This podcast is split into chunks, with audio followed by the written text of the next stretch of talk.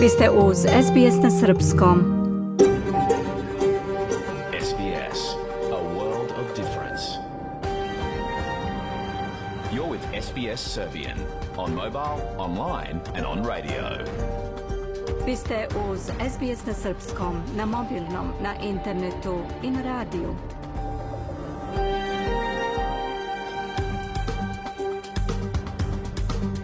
SBS odaje priznanje tradicionalnim vlasnicima zemlje za koje danas emitujemo program na srpskom jeziku. Ovim izražavamo poštovanje prema narodu Ranger i Vojvorang, pripadnicima nacije Kulin i njihovim prošlim i sadašnjim starešinama. Također odajemo priznanje tradicionalnim vlasnicima zemlje iz svih aboriđinskih naroda i naroda sa ostrva iz Toresovog Moreuza, sa čije zemlje slušate naš program. Dobar dan, danas je utorak, 14. jun 2022. Ja sam Biljana Ristić.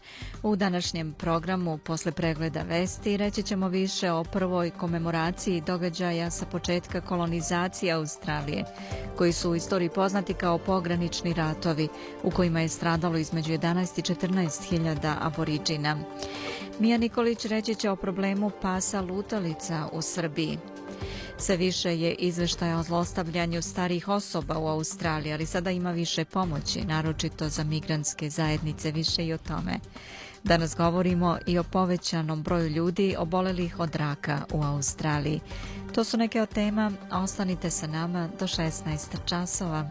Sledi pregled vesti.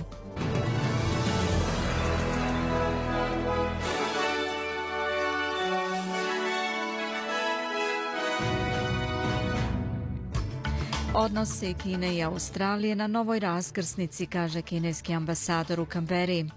Ukrajinski predsjednik izjavio da ukrajinske i ruske snage vode bitku za doslovno svaki metar. Važno da Zapadni Balkan postane deo Evropske unije kako bi se sprečila destabilizacija regiona, izjavio Aleksandar Schellenberg u Beogradu.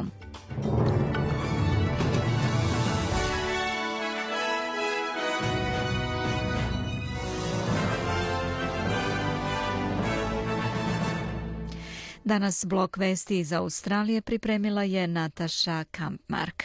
Kineski ambasador u Australiji, Xio Qian, kaže da se odnosi između dve zemlje nalaze na novoj raskrsnici, nakon nedavnih ministarskih razgovora. Komentari kineskog ambasadora usledili su nakon sastanka ministra odbrane Richarda Marlsa i njegovog kineskog pandana generala Veja Fengeja u Singapuru. Odnos je bio zamrznut nakon što je Australija zatražila istragu o poreklu COVID-19, čime je izazvala nekoliko sporova sa svojim najvećim trgovinskim partnerom. Tenzije su porasle u proteklih nekoliko meseci nakon kineskog potpisivanja bezbedonosnog sporazuma sa Solomonovim ostrvima i nastojanja da isti sporazum potpiše sa drugim pacifičkim zemljama – Ali sada je Kina odlučna da radi zajedno sa Australijom, kaže gospodin Xio, i dodaje da se Kina nada daljim razgovorima sa Australijom po pitanju održivog razvoja i saradnje u regionu. Održana je komemoracija za autohtone australijance ubijene u masakrima u periodu od 1788. do 1928. godine, poznatim pod nazivom Pogranični ratovi.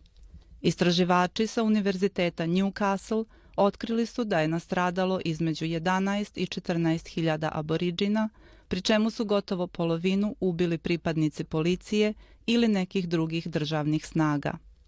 Procenjuje se da je poginulo između 27 i 33 puta više aboriđina nego kolonizatora.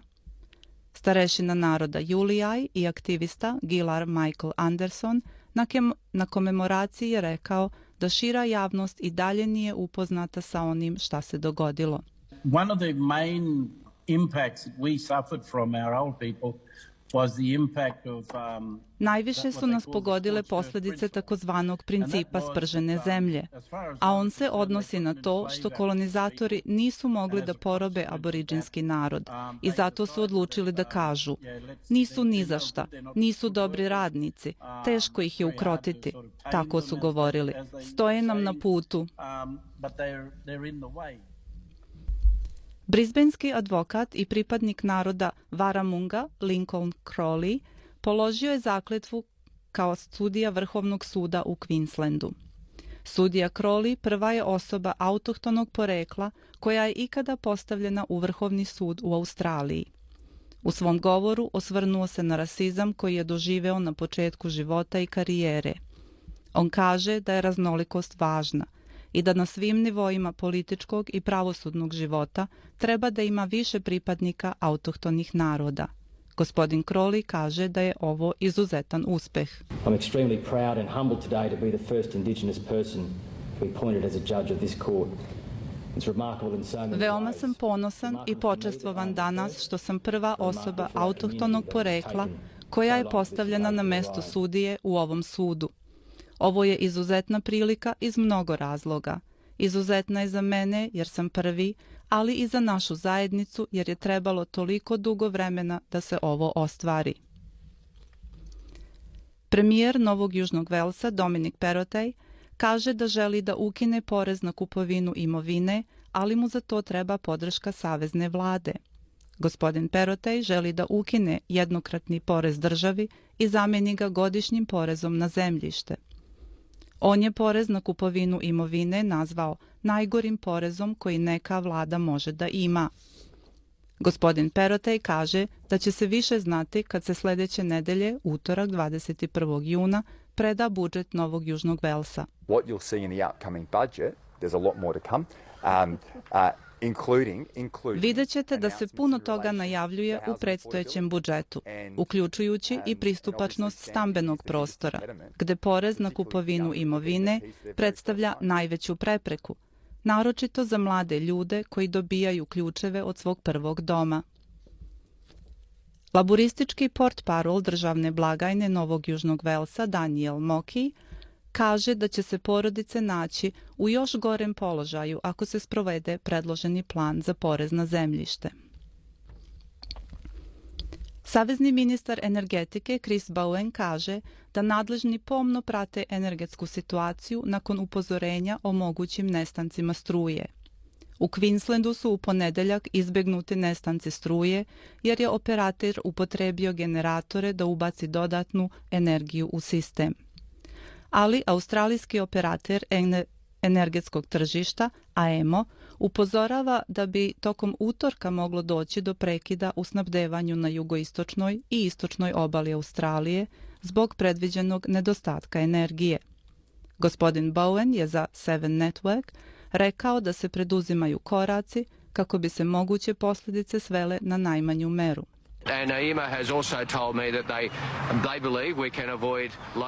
Iz AEMA su mi rekli da veruju da se danas mogu izbeći nestanci električne energije u Novom Južnom Velsu i drugim državama, ali naravno nastavit će da naporno rade i aktivno nadziru sistem. Hvala Nataša. Slušate SBS na srpskom. Sledi pregled vesti iza sveta i regiona Balkana. Svi mostovi ka ukrajinskom gradu Severnodonjecku na istočnoj liniji fronta su uništeni, što znači da je evakuacija preostalih civila nemoguća. Saopšteno je iz lokalne kancelarije guvernera, ali je dodao da je izvestan pristup gradu i dalje i postoji. Guverner Serhej Gajdaj napisao je na aplikaciji Telegram da Rusija nije preuzela punu kontrolu nad gradom i da njegov deo ostaje pod ukrajinskom kontrolom. Ruska artiljerija je gađala fabrike hemije Azot u gradu, gde je sklonište potražilo više stotina civila, rekao je Gajdaji. Nešto ranije ukrajinski predsjednik Volodomir Zelenski izjavio je da ukrajinski i ruske snage vode bitku za doslovno svaki metar Severodonjecka, dok je istovremeno poručio međunarodnim partnerima da su Ukrajini potrebni savremeni sistemi protiv raketne odbrane.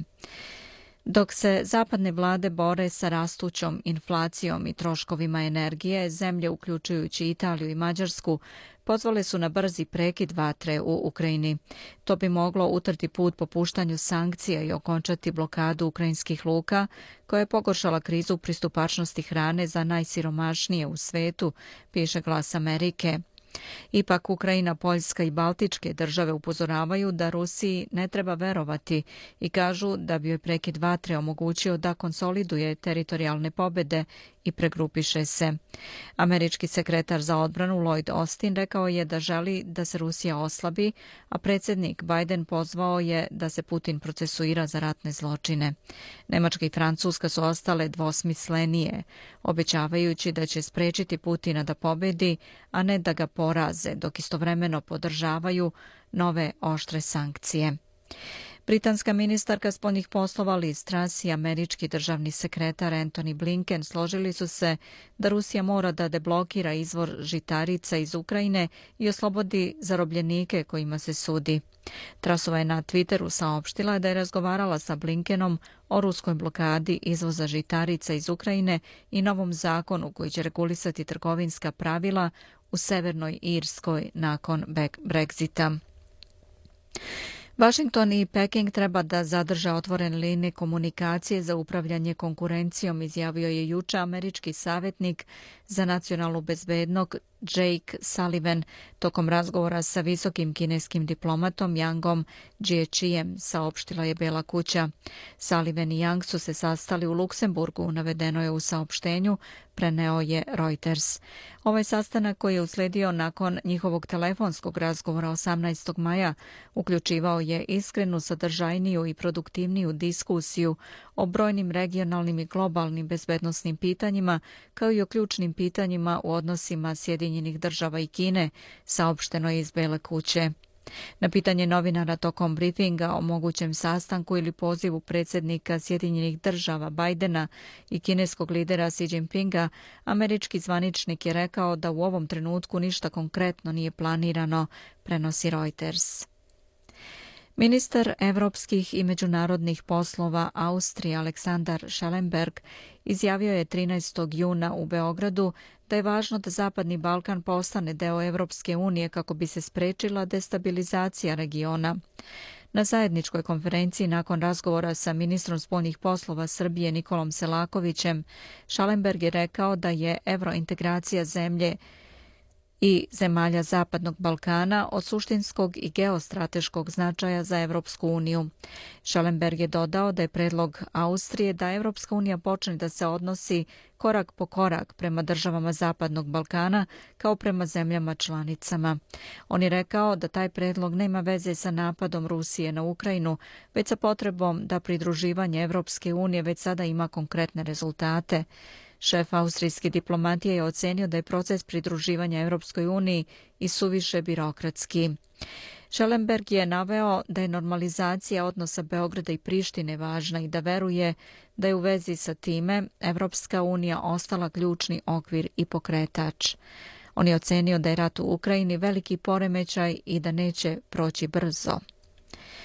Srbija ne treba da se protivi prijemu Kosova u Savet Evrope jer to može da bude dodatni mehanizam za ostvarivanje prava Srba poručeno je na debati Kosovo na putu ka Savetu Evrope.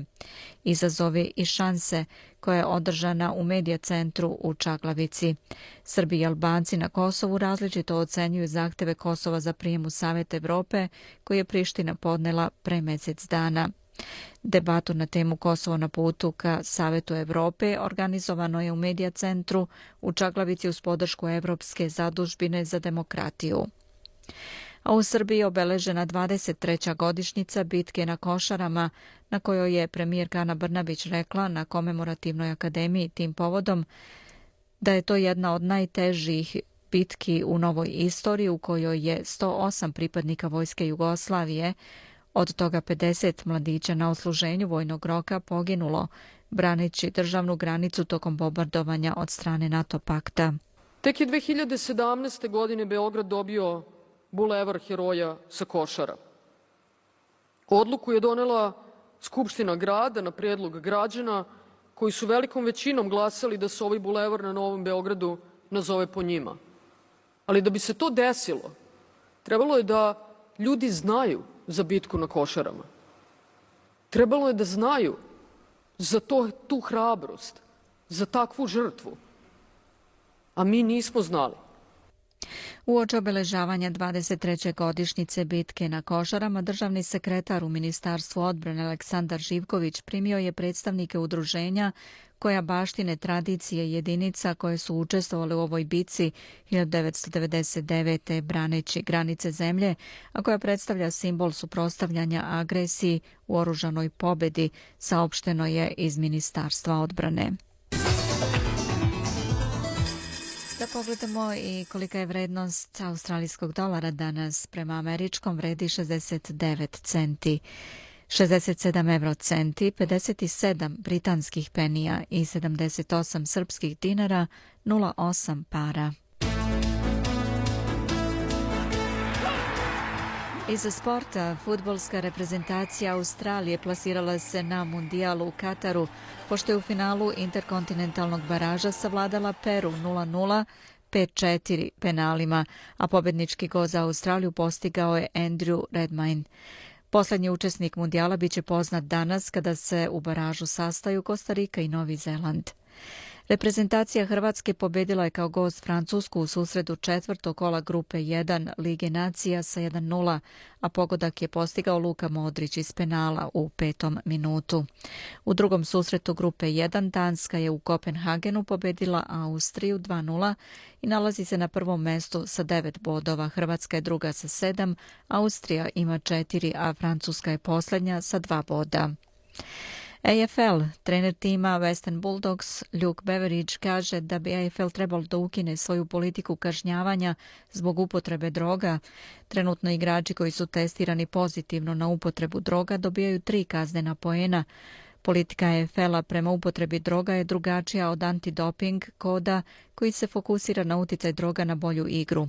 Beveridge kaže da se nada da će EFL ukinuti trenutnu politiku. Um, Niko od nas ne veruje da je efikasna i klubovi su tu da podržavaju naše igrače i nijedan igrač koji se suočava sa kliničkim mentalnim um, bolestima svakako neće biti na udaru te politike, bez obzira koliko često su testirani, kaže on. Srpski teniser Laslo Đere plasirao se u drugo kolo turnira u Haleu nakon što mu je mladi Nemac Henry Svire predao meč zbog povrede leđa pri rezultatu 4-3 u prvom setu. Đere, trenutno 62. igrač sveta u narednoj rundi, igraće protiv pobednika ruskog duela Arslan Karacev i Karen Hačanov. I na kraju ovog bloka i vremenska prognoza. U Pertu pljuskovi 19 stepeni, pljuskovi i u Adelaidu sa 17 stepeni. Melbourne trenutno sunčano vreme, ali su mogući pljuskovi 13. U Hobartu mestimično oblačno sa 12 stepeni, slično u Gamberi sa 11. U Sidneju pretežno sunčano vreme 17 stepeni. Brisbane mogući pljuskovi 22, sunčano je u Darwinu sa 33. Beograd danas sunčano vreme do 26 stepeni tokom dana.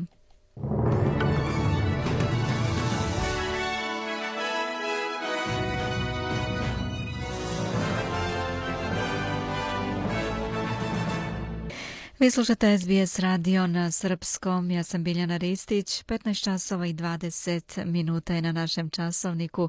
Ostanite sa nama.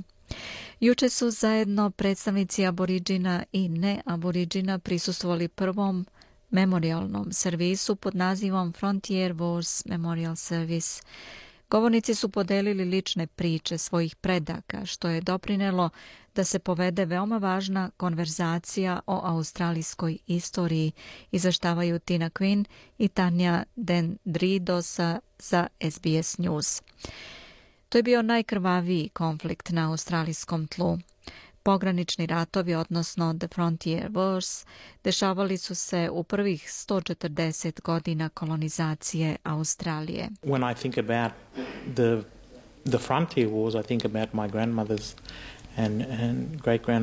Kad razmišljam o tim ratovima, mislim o svojim bakama, prabakama, pradedovima koji su pričali priče o tome šta se desilo na našoj zemlji.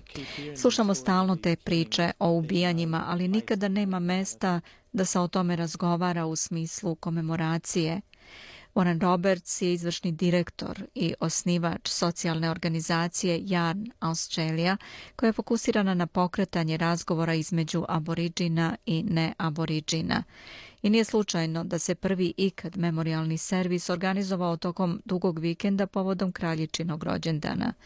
On kaže da je to deo procesa da se kaže istina i da se podeli kompletna priča. I'm encouraged that, you know, everyone is coming to the table. Ohrabren sam time da će svako biti u prilici da sedne za sto, želeći da čuje naše priče koje smo saznali od naših predaka i da će nam to omogućiti da nastavimo put zajedno i to će biti put izlečenja za sve nas, kaže on.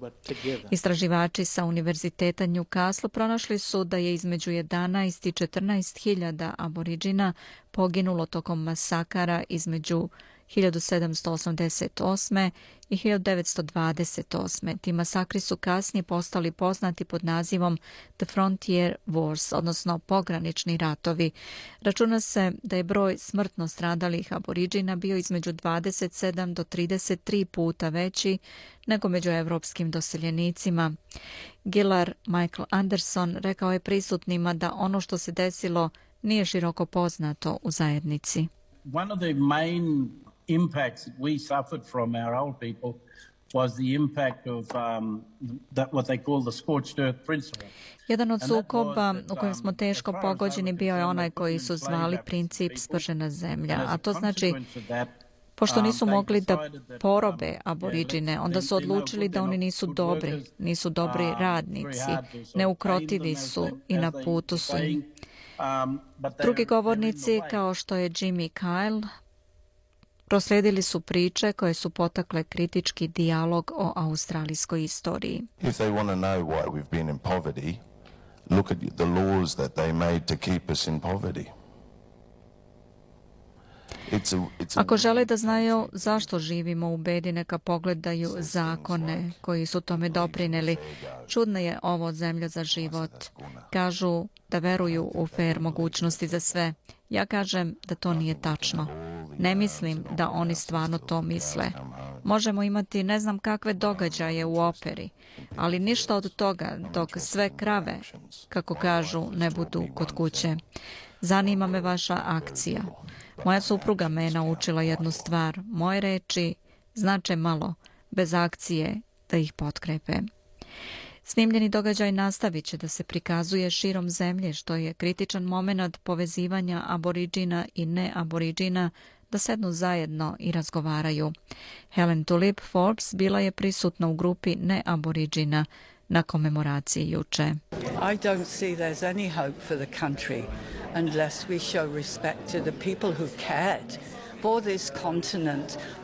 Ne vidim nikakvu nadu za zemlju ukoliko ne pokažemo poštovanje prema ljudima koji su se brinuli za ovaj kontinent hiljadama godina pre nego što su belci došli.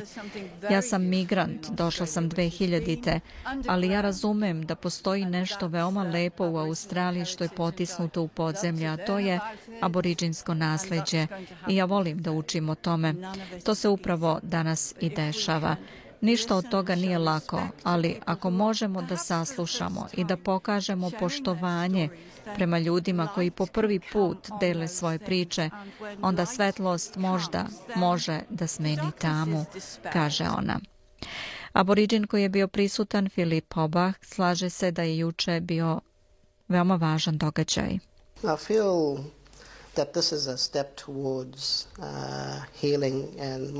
Osjećam da je ovo korak u napred prema zalečenju i za mene je to ravno pravdi. Ja bih voleo da u budućnosti moja deca osjećaju slobodu i ponašaju se slobodno, kaže on. Ali Jimmy Kyle kaže da postoje izazovi danas. If we want to really have a relationship with one another, a consensual relationship, Ako stvarno želimo da uspostavimo odnose jedni sa drugima, vreme je da beli australijanci prepoznaju da nije krivica onih koji danas žive za ono što su uradili ljudi u prošlosti, ali da oni vrlo uživaju beneficije toga što se desilo i da razmisle šta odgovorna odrasla osoba može da učini sa tom informacijom, da li će preduzeti konkretne mere, da li će progovoriti kad niko drugi ne govori. To je bio naš posao prethodnih 230 godina i mi posustajemo, kaže on.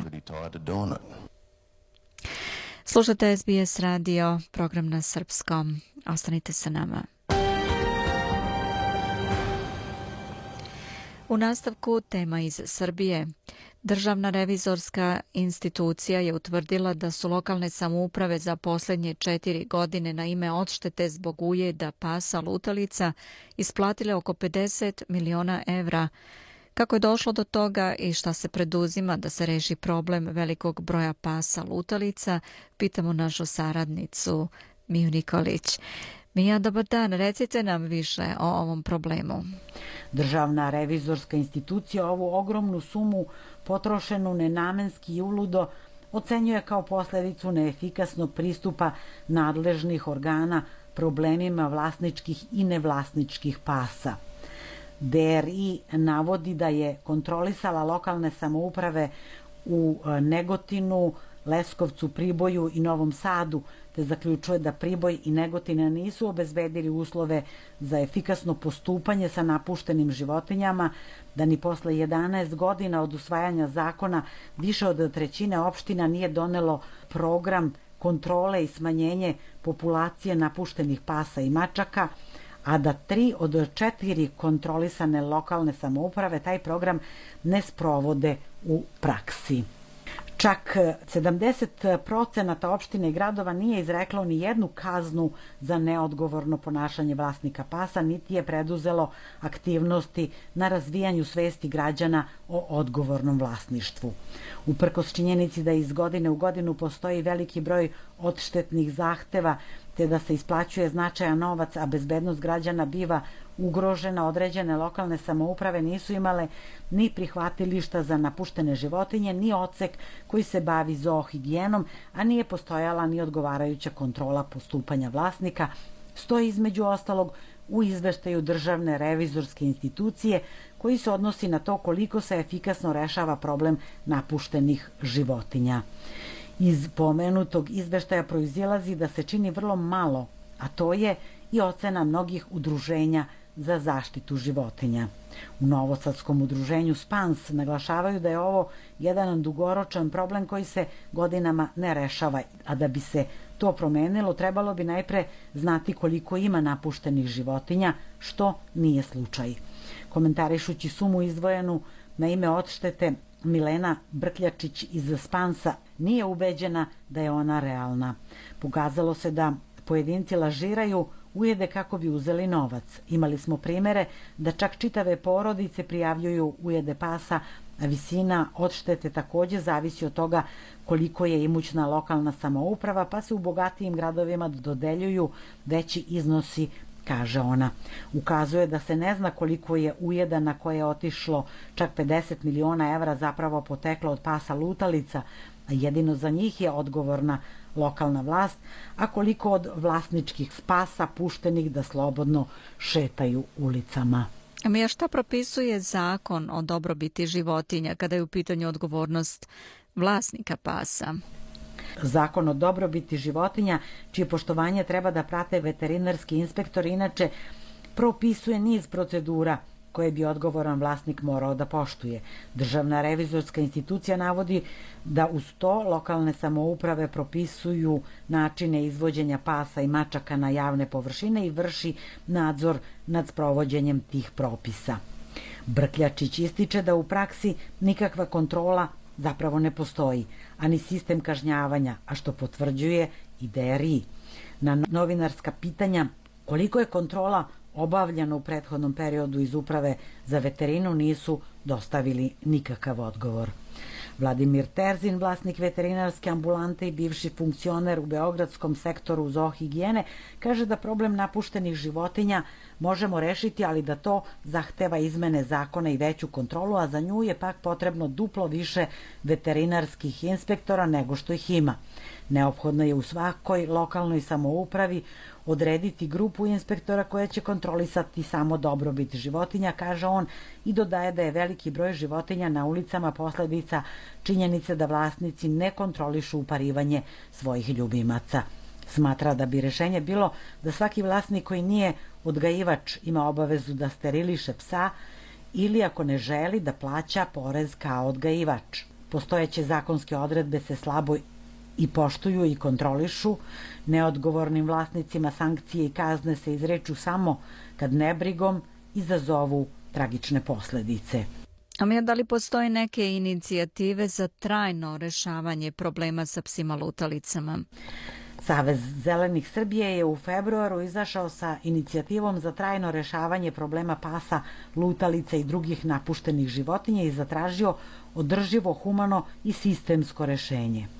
Grad Beograd se dugi niz godina bori sa ovim problemom, ali ne smemo zanemariti činjenicu da širom Srbije raste broj napuštenih kućnih ljubimaca, a odbačene životinje zbog surovih uslova žive jedva nekoliko godina i većina njih skoro čitav životni vek provede na ulici.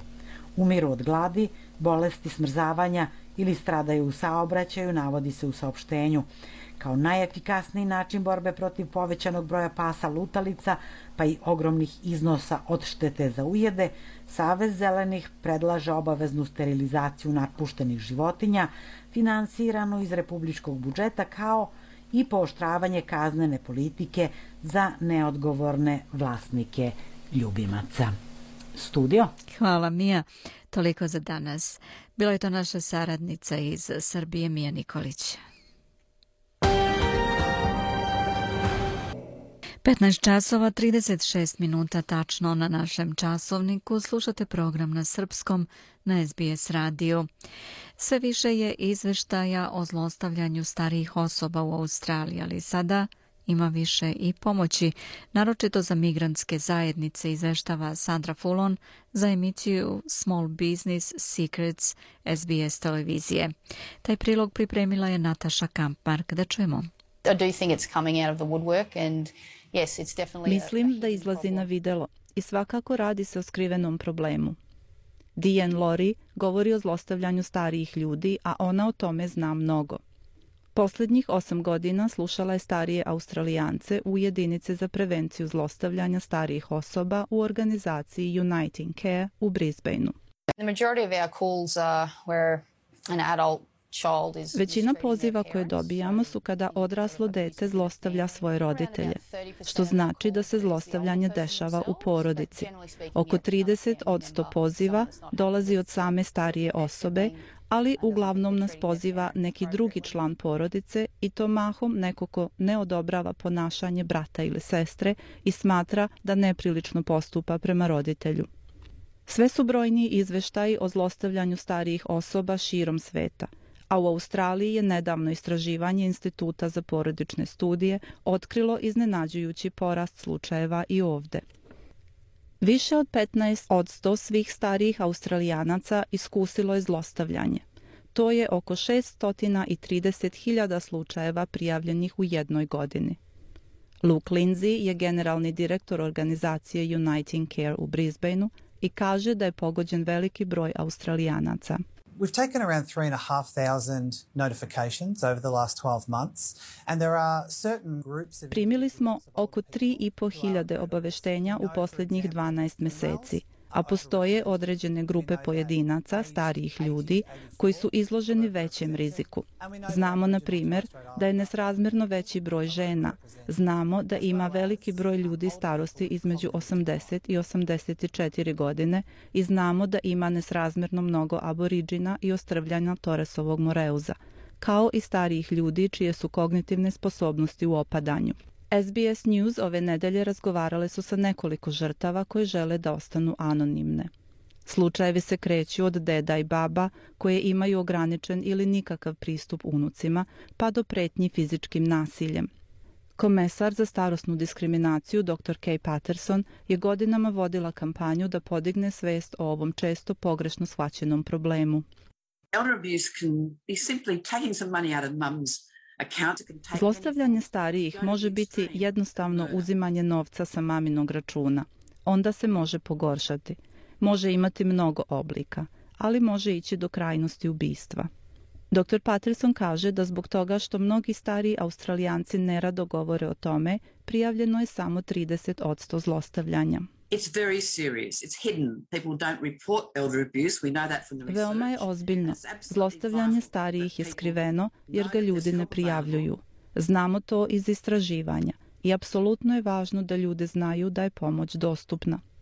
Za ljude različitog porekla kojima je engleski drugi jezik, Ove godine telefonska linija za pomoć starijima Komisije za ljudska prava ima resurse na nizu jezika, kako objašnjava dr. Patterson. Sada pored engleskog imamo materijale na 19 jezika, kako bi bili sigurni da ljudi koji ne govore engleski imaju pomoć koja im je potrebna i da je mogu brzo dobiti. Jenny Blake je ko-predsedavajuća organizacije Elder Abuse Action, što je nacionalno telo koje ima za cilj da eliminiše maltretiranje starijih australijanaca. Ona kaže da je pandemija dovela do porasta zlostavljanja svih vrsta, uključujući i zlostavljanje starijih osoba.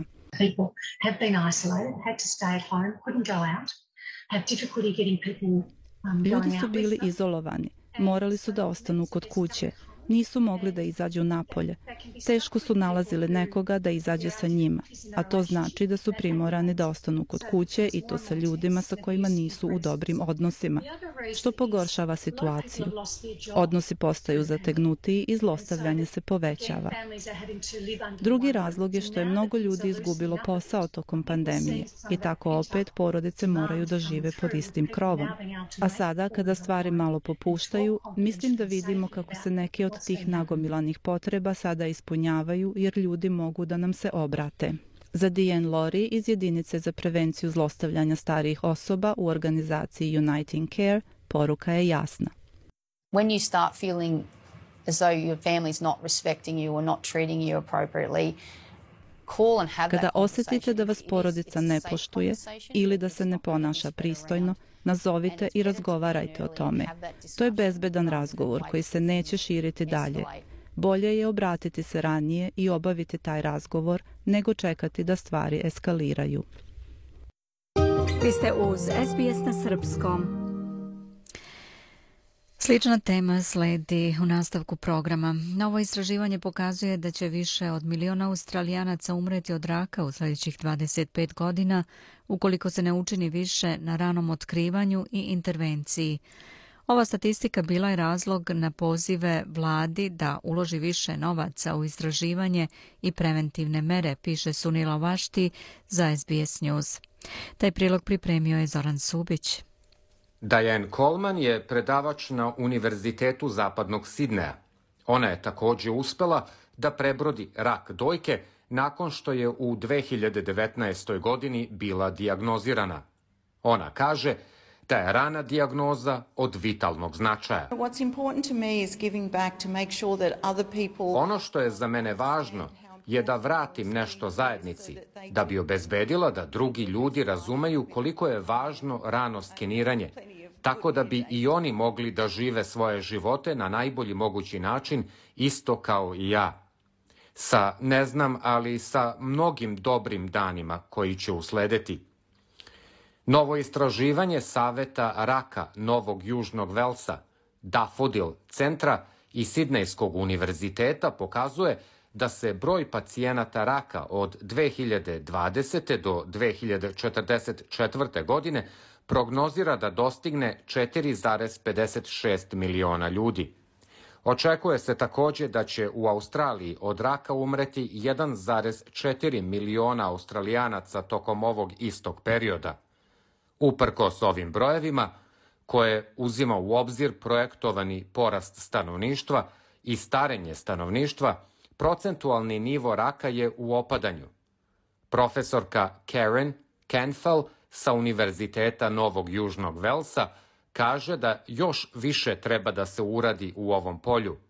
da bi se smanjilo breme ove bolesti i potencijalno spasili stotine hiljada života. So we really need investments in prevention programs. Stvarno su nam potrebne investicije u sektoru prevencijskih programa i to u vezi zdravog životnog stila da bi se održala zdrava telesna težina i fizička aktivnost.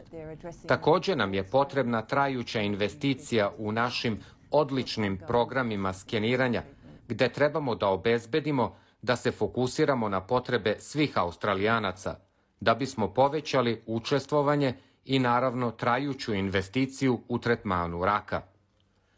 Profesorka Kanfel kaže da je rana prevencija, detekcija i tretman naročito važna za one iz kulturološko i lingvistički različitih porekla, kao i za zajednice prve nacije koji se suočavaju sa preprekama u pristupu uslugama zdravstvene nege. To breme se ne deli podjednako u našoj zajednici širom različitih vrsta raka. Na primer, aboriđani i ljudi sa Torres Moreuza imaju povećani rizik smrti od raka. Veoma je tužno to što imaju najgori procenat preživljavanja od raka. Jedna od implikacija ove studije je da opet ukazuje na potrebu za liderstvom i razvojem kulturološki prikladne nege za aboriđane i ljude sa Torres Moreuza, kao i razne pravce pri kontroli bolesti. Ona kaže da investicija vlade u tim oblastima ne predstavlja nikakvo breme. Profesorka Kanfel koristi kao primjer pakete za testiranje za rak, a koje je vlada finansirala. Uh, Ovo nije u vezi samo potrošnje novca bez ikakve povratne koristi.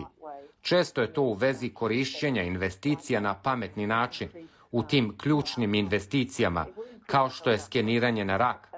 To će se povećati, znate, povećat će se zdravstvena dobit kao društvo. Ali nisu sve vesti loše vesti. Posljednje istraživanje također sugeriše da će procenat smrti od raka pluća i slučajeva sa rakom kože biti u opadanju tokom sljedećih 25 godina. Slušate SBS na srpskom, 15 časova 48 minuta je. I pri kraju programa sledi jedna tema iz zdravstva. Detaljnije o psihološkim poremećajima u ishrani Aleksandar Živković razgovara sa psihijatrom doktorom Blagojem Kuljićem, kliničkim predavačem sa Medicinskog fakulteta Univerziteta u Sidneju. Da čujemo. Doktori Kuljiću, dobar dan. Dobar dan, Aleksandre, i dobar dan vašim slušalcima. Danas govorimo o poremećima ishrane, pa na samom početku da li možete da nam kažete nešto više o ovim psihološkim poremećajima? Kao što smo se dogovorili, danas ćemo pričati o poremećima ishrane, pre svega o anoreksiji nervozi, obzirom da je ona, da kažemo, ovako ozbiljniji poremećaj u smislu da ima ozbiljnije posljedice po opšte zdravlje nego je što je to bulimija, mada nju ne smemo zanemariti. Dakle, oba poremećaja, kao što samo ime kaže, obuhvaćaju poremećaj u ishrani, u nekim našim idejama, oko samih sebe, kako izgledamo i kako bi trebali da izgledamo, a s druge strane imamo i poremećaj u smislu našeg nagona za ishranu koje spada u bazične ljudske nagone, kao što je nagon za održanje. Da li možete da nam kažete koliko je često ovaj poremećaj i kada nastaje?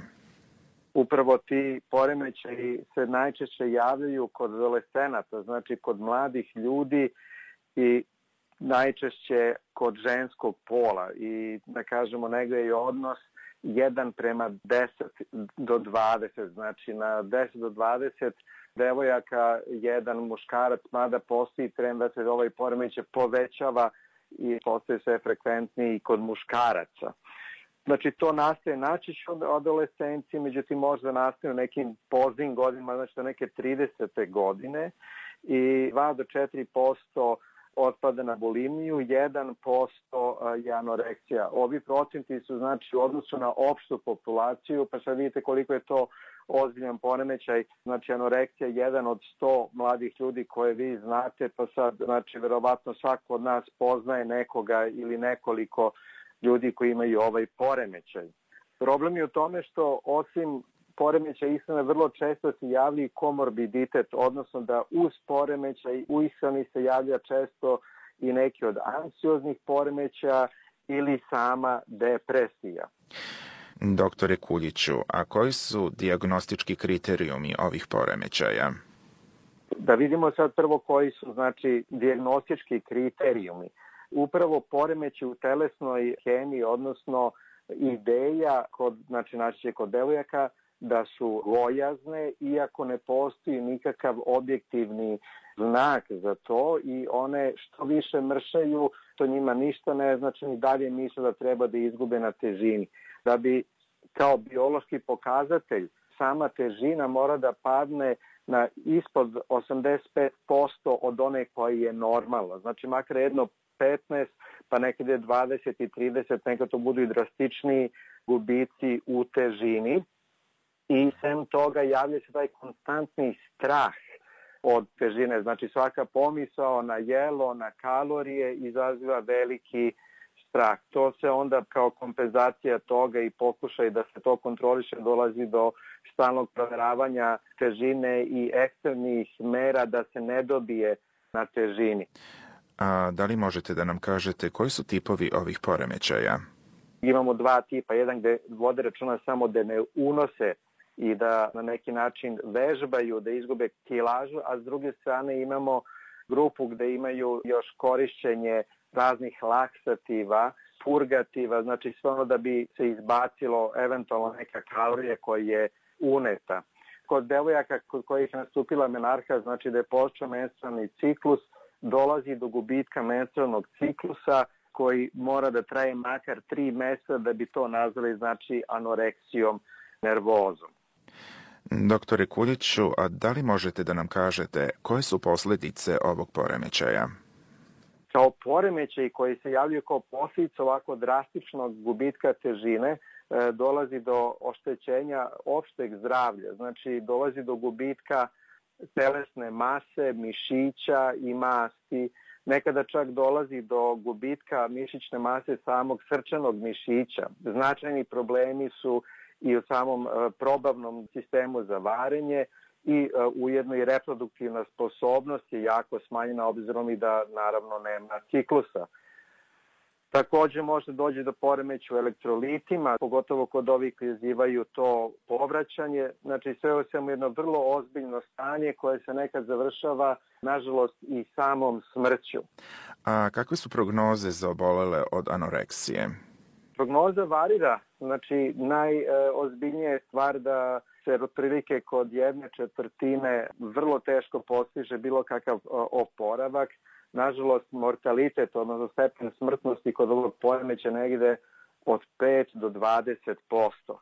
Naravno, ima i pozitivnih stvari, znači otprilike oko jedna četvrtina ima vrlo dobar oporavak i potpuno se oporave, a eto da kažemo, pričamo o nekim četvrtinama, na primjer da jedna četvrtina ima dobru prognozu, jedna četvrtina ima lošu, a i sad ona polovina koja je preostala je da kažemo negde između, odnosno oporavak na kratke staze često bude dobar, ali na duge staze je onako pod znakom pitanja da kažemo.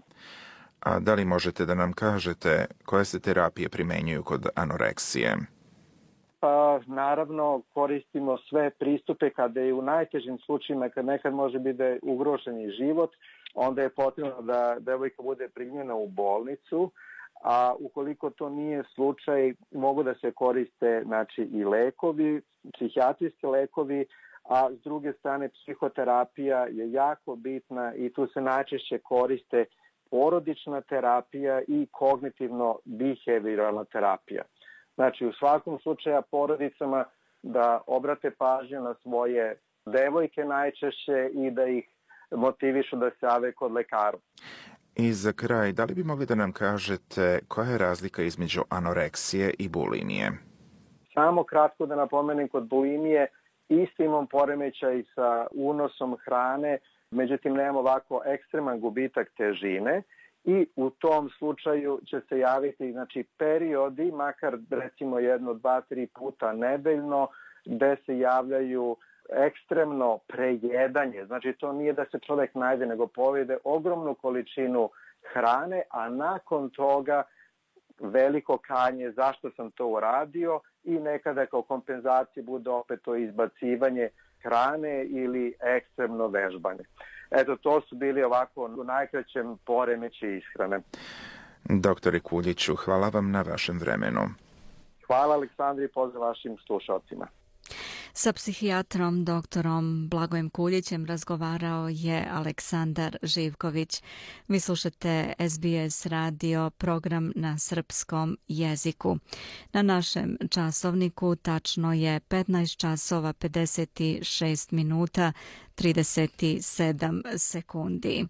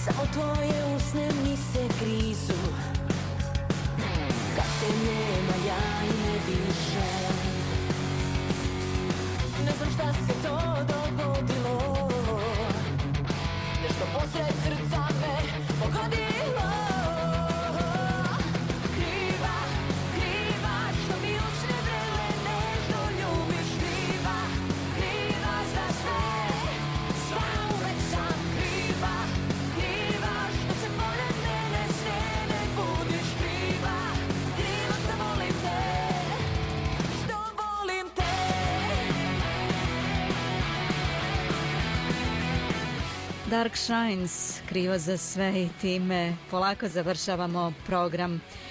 Nadam se da će se svi naši slušalci iz Kragujevca obradovati. Posle diskografske pauze duge 12 godina Kragujevački band Dark Shines objavio 9. juna spot za pesmu Kriva za sve koja se nalazi na njihovom trećem studijskom albumu Predaj se. I time završamo današnji program. Sljedeća emisija na srpskom je u četvrtak u 15 časova. Slušajte nas na internetu sbs.com.au kosacrta radio, na telefonu preuzmite radio app, a posjetite i našu stranicu sbs.com.au kosacrta sebijen. Na Facebooku profil SBS Serbian. Sa vama danas bile Biljana Ristić i Nataša Kampmark. Doviđenja i prijatan dan.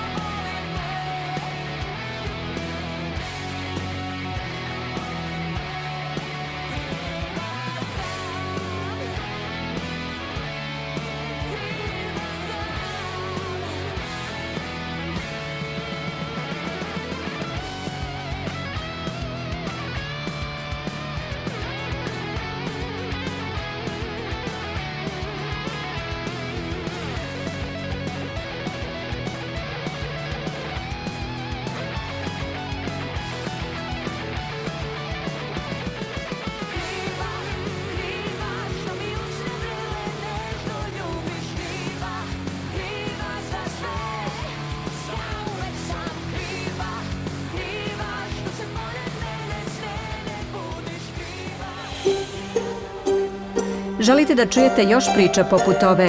Slušajte nas na Apple Podcast, Google Podcast, Spotify ili odakle god slušate podcast.